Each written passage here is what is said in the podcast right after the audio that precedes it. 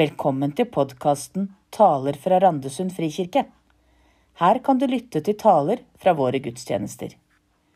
I denne episoden hører du pastor Jostein Ørums tale fra 1. mai om Esters bok. Talen er en del av vår taleserie over bøker fra Det gamle testamentet. Ester er en kort og handlingsdrevet bok, og jeg vil gjerne oppfordre deg til å lese hele boken før du lytter til talen.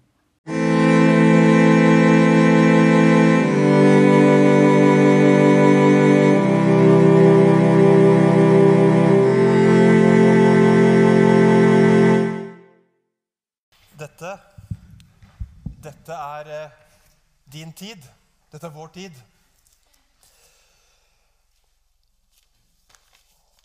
Jeg har vært mange steder eh, hvor folk eh, lengter etter det som har vært før. Jeg har også møtt folk her i denne kirka som har nærmest bedt om unnskyldning for at det ikke er så mange barnevogner her som det var for 15-20 år siden. Eller som det skulle ønske det var. Kona mi jobber i en ungdomsklubb som har en sånn, en sånn legendestatus. Hun begynte for et år siden.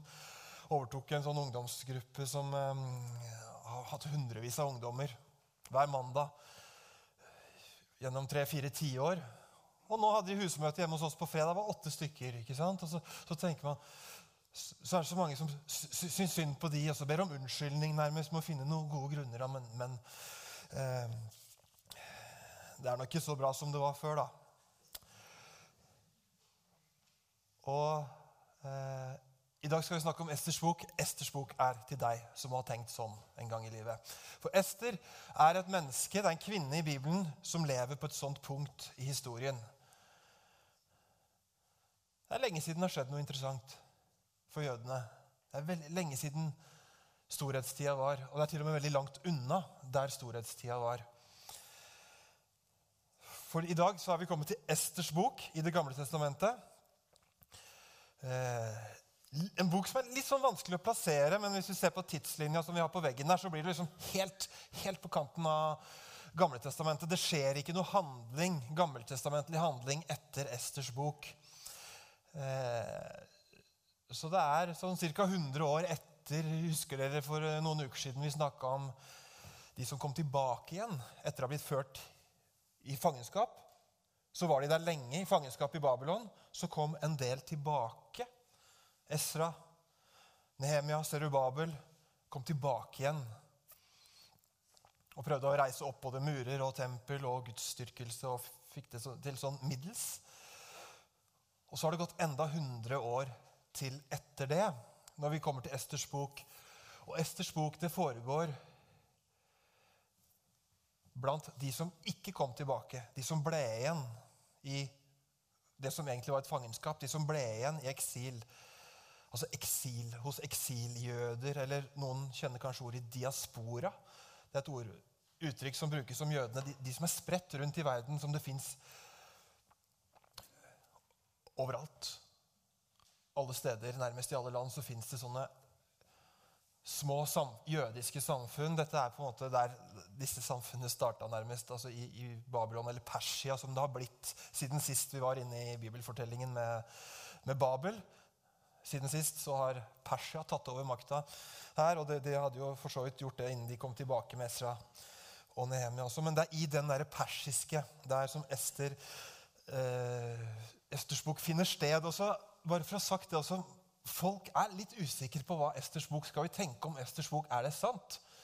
Hvis man ser på verdenshistorien Ester er jo en um, som jødisk kvinne som på en eller annen merkelig måte blir dronning i det persiske riket. Og Det er litt vanskelig å finne hvis man går inn i vanlig sekulær historiefortelling.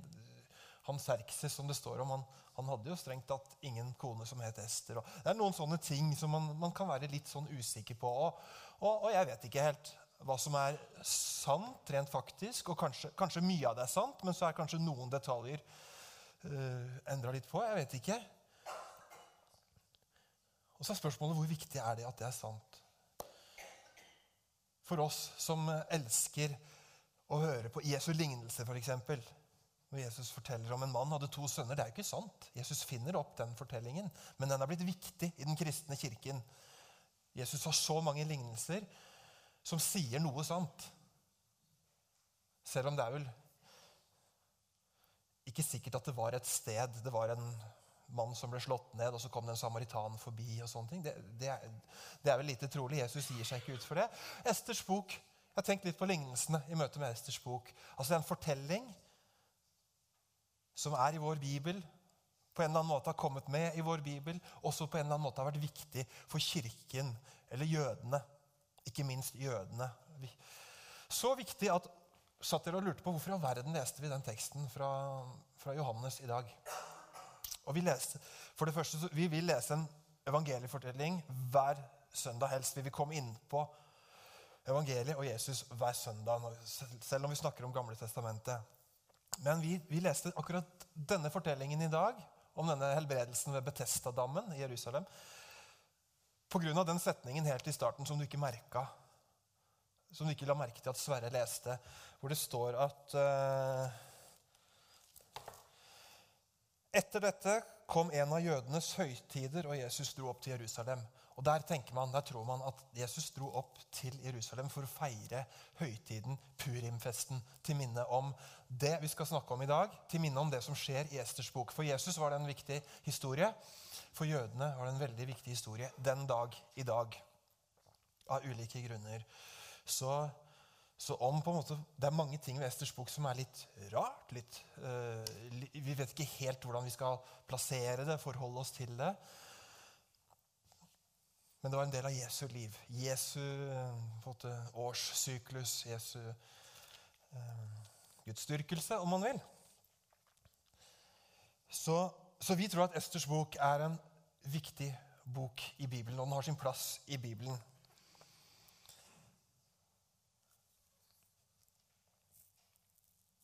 Eh, det er en veldig uh, pussig ting med Esters bok. Jeg vet ikke om dere har lagt merke til det, dere som har lest Esters bok.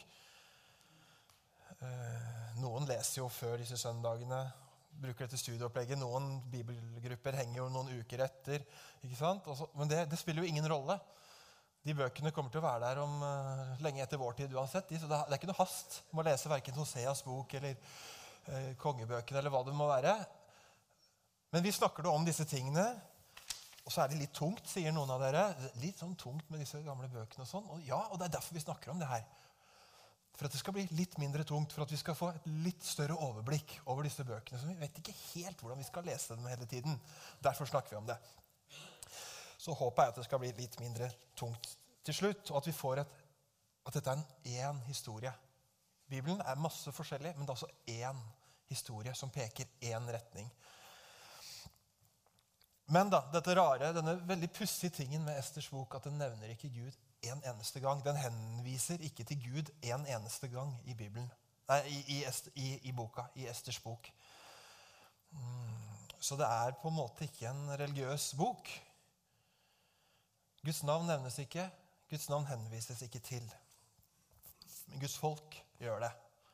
Ikke som Guds folk, men eh, jødene. da. Og den handler i bunn og grunn veldig lite om ting vi forbinder med gudelige saker. Eh, det er, det er som en dårlig såpeopera. på en måte. Hvis du, hvis du, begynner å lese hva som skjer her, det er, veldig, veldig, det er, det er akkurat som en såpeopera uh, på TV. Det er, eh, det er, det er veldig mye uh, Altså, det er drap, det er konspirasjoner det er sex. Det er faktisk veldig mye av handlingen i Esters bok. Veldig mye av de vendepunktene her foregår altså, i fylla, i bakrus.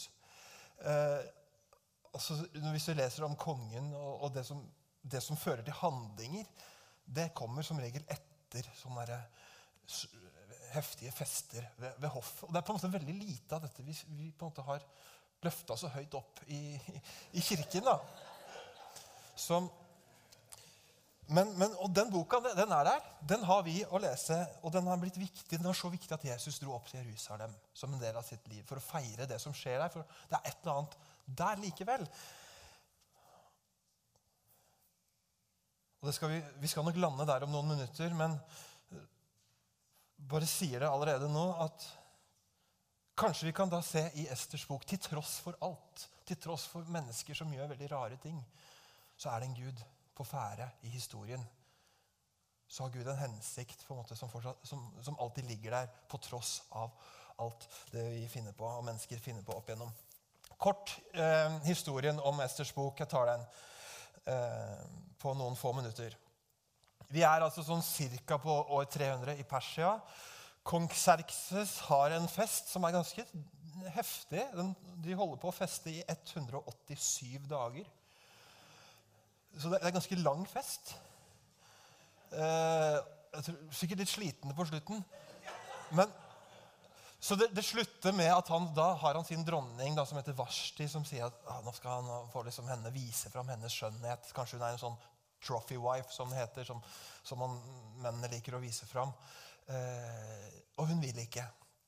Hun vil ikke, hun nekter og vil ikke la seg herse med av kongen. Og, og motsier seg kongens, sin ektemanns, bud. Og han blir så sur at han støter henne bort. Og da blir det på en måte stilling ledig som dronning i Persia.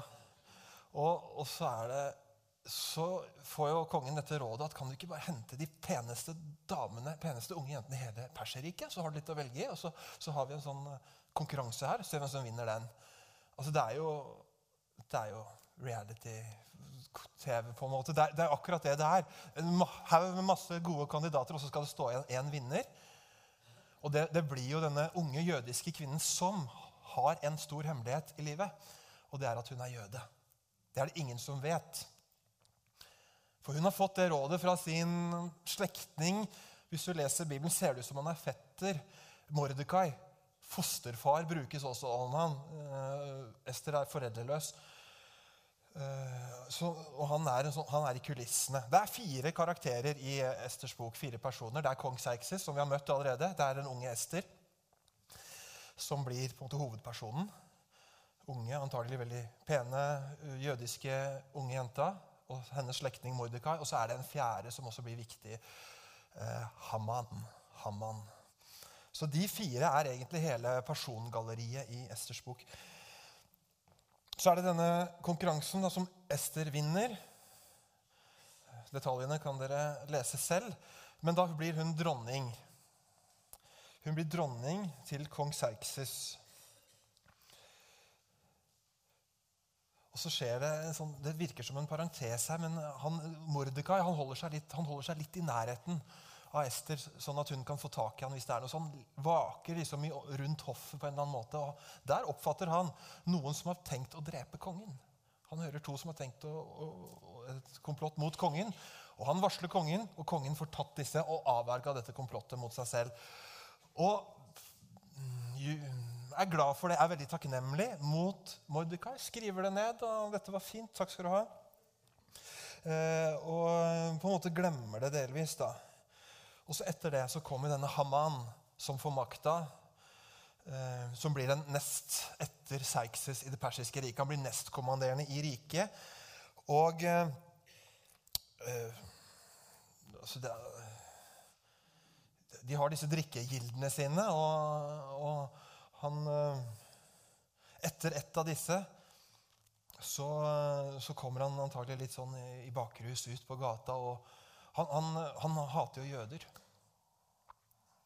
Haman har et eller annet agg mot jødene. Det står ikke noe om hvorfor, men han har det. Og han kommer ut, og Kongen har da lagd en forordning om at alle mennesker skal eh, knele for Haman. Det, det, det, tilhører stillingen at alle skal vise sin respekt og knele for ham. Og eh, så kommer han liksom eh, antagelig sånn halvfull ute på gata, og så møter Mordekai, som er rett i nærheten hele tida her, som nekter å bøye seg for Haman. Og da blir han rasende. Haman blir rasende på Mordekai. Og han vet at Mordekai er jøde. Ehm. Og så da går Haman til kongen og sier at For Han vil liksom slå til litt hardt. Han, bare, han, han, er, han blir sur på Mordika, men han vil ta i litt hardere. Så han vil ta alle jøder i persiske riket skal straffes fordi de er dumme. Altså Han har ikke noen grunn. Men fordi denne mannen ikke vil bøye seg for meg, og jeg liker ikke jøder, forresten, er det som han, han sier. Så, så han, han, vil straffe de, og vil Det blir et sånn kongelig bud, så han klarer å lure, eller overtale kongen til å si at alle jøder på den dagen skal utryddes fra vårt rike. Så den dagen, den, en viss dag, dag X Elleve måneder fra nå så er det lov til at da er jødene fritt vilt. Da kan alle ta dem. Så de, de, varsler på en måte en tragedie veldig lang tid i forveien. Og For å finne dagen så kaster de ruller terninger for å finne dagen. Ordet for terninger er pur. Pur. Det kommer vi tilbake til om noen minutter, det ordet. 13. Adar blir dagen, som blir satt av elleve måneder fram i tid. og Da blir Mordekai fortvila, og Ester blir fortvila og tenker hva gjør vi nå? på dette eh, kongelige påbudet. Og Mordekai sier vi må gjøre et eller annet. Og De vet at det er ikke så mye man kan gjøre, for har kongen gitt et påbud, så kan han ikke ta det tilbake. Så de har litt begrensa handlingsrom. Men han sier at Og her er vi kanskje ved kjernen i boka for oss som bibellesere. Han sier, Ester, hvis ikke du gjør det her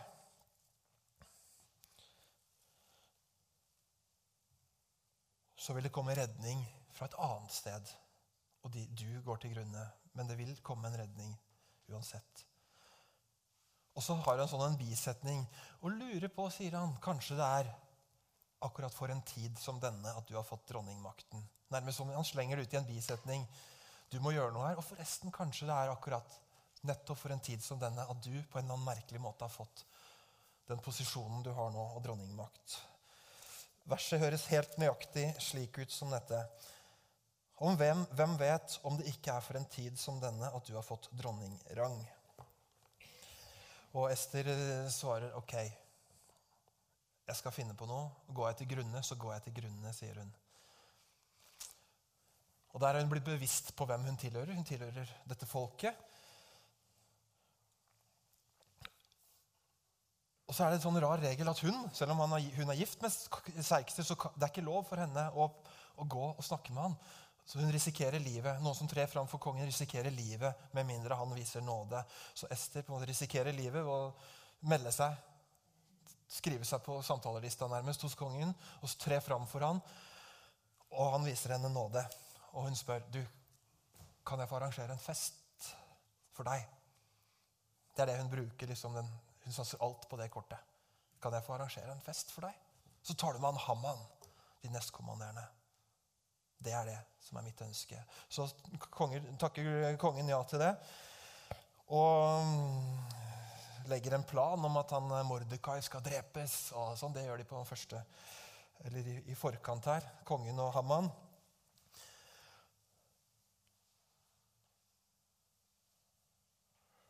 For det har Haman lyst til. De reiser opp en gigant, Om det er en galger, om det er bare sånn påle som de skal henges på, det er vanskelig å vite. Men i hvert fall en veldig brutal måte å gjøre slutt på han dumme Mordekai. da. Og så er det sånn, før, den, før denne festen så får ikke kongen sove. Og han Hva gjør man når man ikke får sove? Jo, man henter en bokrull over alt som har skjedd, referatene fra møtene som har vært siden sist, og så får han en til å lese det for seg. Så det er det han gjør når han ikke får sove. Og så kommer de til det punktet altså det kommer til det punktet hvor han har skrevet det. Han Bordekai redda livet ditt. Den og den gangen så redda Mordekai kongens liv. Og så Da kommer kongen på ja, han Mordekai. Så da, når han møter Haman neste morgen, så, så lurer han på hva skal, hva skal man gjøre hvis man har en som man har lyst til å ære på en spesiell måte. Kongen tenker på Mordekai, Haman tror kongen tenker på ham selv. Og foreslår en veldig fin måte å føre ham gjennom byen. og på et esel og rope ut at han er ære verdt. Så da, da, da er det, det er rådet til Haman, og sånn blir det. Og da må Haman gå rundt i byen med å gi Mordekai ære, og han blir rasende. Og så er det i hvert fall første banketten, første festen Ester gir. Så det eneste hun kommer med da til Haman og kongen, de er de to gjestene. Og så sier Ester, jeg har et ønske til dere, og det er at dere kommer til min fest i morgen igjen. Og så kommer de der neste dag. Jeg må, skal ikke dra det altfor langt ut, men da, da er tiden kommet hvor Ester sier jeg er jøde. Han, Haman, han hater jøder. Han har lyst til å utrydde alle jøder. Du vet det, Serksis. Han har planlagt at vi skal utslettes og, og så videre. Og da skjønner, da skjønner kongen et eller annet. Um, og da skjønner jeg det er, han, Jeg vet ikke hvorfor han ikke har sett det før, men da, da setter han foten ned. Det, det, må vi få en slutt på. Eller det kan du ikke gjøre, Haman. Og da, Haman, da, slår, da slår, straffen tilbake og hevnen tilbake på Haman selv. Og så er det han som blir eh, hengt på denne installasjonen de har laget for å henrette Mordekai opprinnelig. Men så er ikke problemer over enda. Det er ikke slutt for Ester og Mordekai med deres prosjekt. Fordi det kongen har utstedt en forordning om, det kan han ikke ta tilbake. Det er ingen mulighet. Så det beste de klarer å inngå politisk, med sin politiske kløkt, det er OK 13. adar, om noen måneder fram, så skal jødene bli angrepet av alle som vil. Det står fast. Men de får lov til å forsvare seg. De får kongelig rett til å forsvare seg. Så det er jo det. Og da blir de glad, og så gjør de det. Og så når dagen kommer, så, så slår de hardt tilbake. Så det er, det, er, det er, mye rart i Esters bok. Det er jo antisemittismens gryende start, for det ene. Det er eh, jødenes identitet som er på spill. Men i hvert fall til minne om denne festen, til minne om Ester, og til minne om at jødene, at jødene ble spart, så feirer jødene festen som fikk navn etter terningene til Haman Pur. Purim, Purimfesten. Så Purimfesten feirer jødene fremdeles. Og Jesus dro i Johannes 5 opp til Jerusalem for å feire denne hendelsen hvor Gud redda sitt folk i en tid som denne. Så Esters bok. Nå skal vi lande her og se om det er noe å lære. Mm. Eh, det er en bok på en måte uten noe, egentlig noen forbilder. Det er egentlig ikke noen sånn moralske, høyverdige karakterer i Esters bok som vi, som vi, vi, trenger å strekke oss etter. Det er ikke det denne boka løfter fram. Den handler om en tid hvor folk har glemt Guds løfter. Det handler om en tid hvor Gud virker litt fjern. Det virker som kanskje Gud til og med, Ikke nok med at folket har glemt Gud, men kanskje til og med Gud har glemt sitt folk.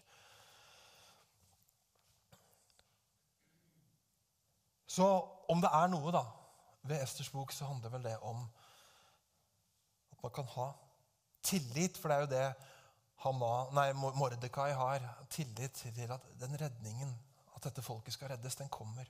Den kommer uansett. Og vi kan gjøre en forskjell her og nå, for det er nå vi lever. Og vi er satt akkurat her.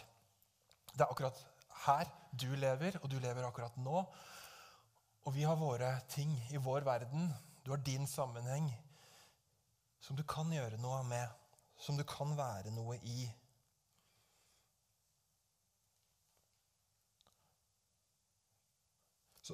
Gud virker fjern, folk sliter, verden vender ryggen til Gud. Har Gud glemt menneskene? Har Gud slått alle sine løfter fra seg? Det er da Esters bok gir oss svaret nei. Vi tror ikke det. Vi tror at Gud fortsatt husker på, til tross for alle mennesker, til tross for alle menneskers rare eh, politiske grep eller alt vi finner på i familier og lokalsamfunn og rundt omkring. Så Gud, nei, Gud har ikke um, glemt oss. Gud har et folk fortsatt til å oppfylle sin hensikt.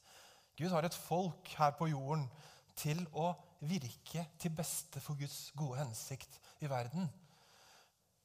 Selv om kanskje ikke Gud, navnet Gud eller Jesus nevnes hele tida. Esters bok foregår jo på et politisk plan. Altså Alle gode krefter i verden kan kanskje da være med å virke for Guds gode hensikt. Enten det er i politikk eller organisasjoner eller i kirker eller hva det er. Så, så er det, også Esters bok er en bok om at Gud, selv om det ser, ikke ser sånn ut så mye av tida, så er Gud i kulissene og jobber. Og driver fram og kaller og bærer mennesker. Kanskje ofte på en usynlig måte. Og vi stoler på at Gud er der, selv når det ser dårlig ut. Selv når vi har rota det til. Ikke levd etter Guds bud. Ikke husker på Gud så veldig mye av tiden. Så er Gud der fremdeles. Og Gud er fremdeles og alltid forpliktet på sitt store prosjekt. Å frelse verden og frelse menneskene. Så Gud, hjelp oss til å leve her vi er, i en tid som denne, og se hva vi kan gjøre for at ditt verk skal skje på jorden. Amen.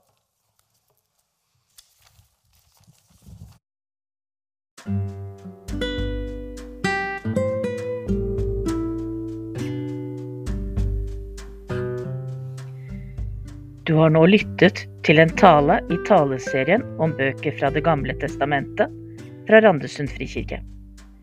Du finner flere taler i samme serie på det samme stedet der du fant denne.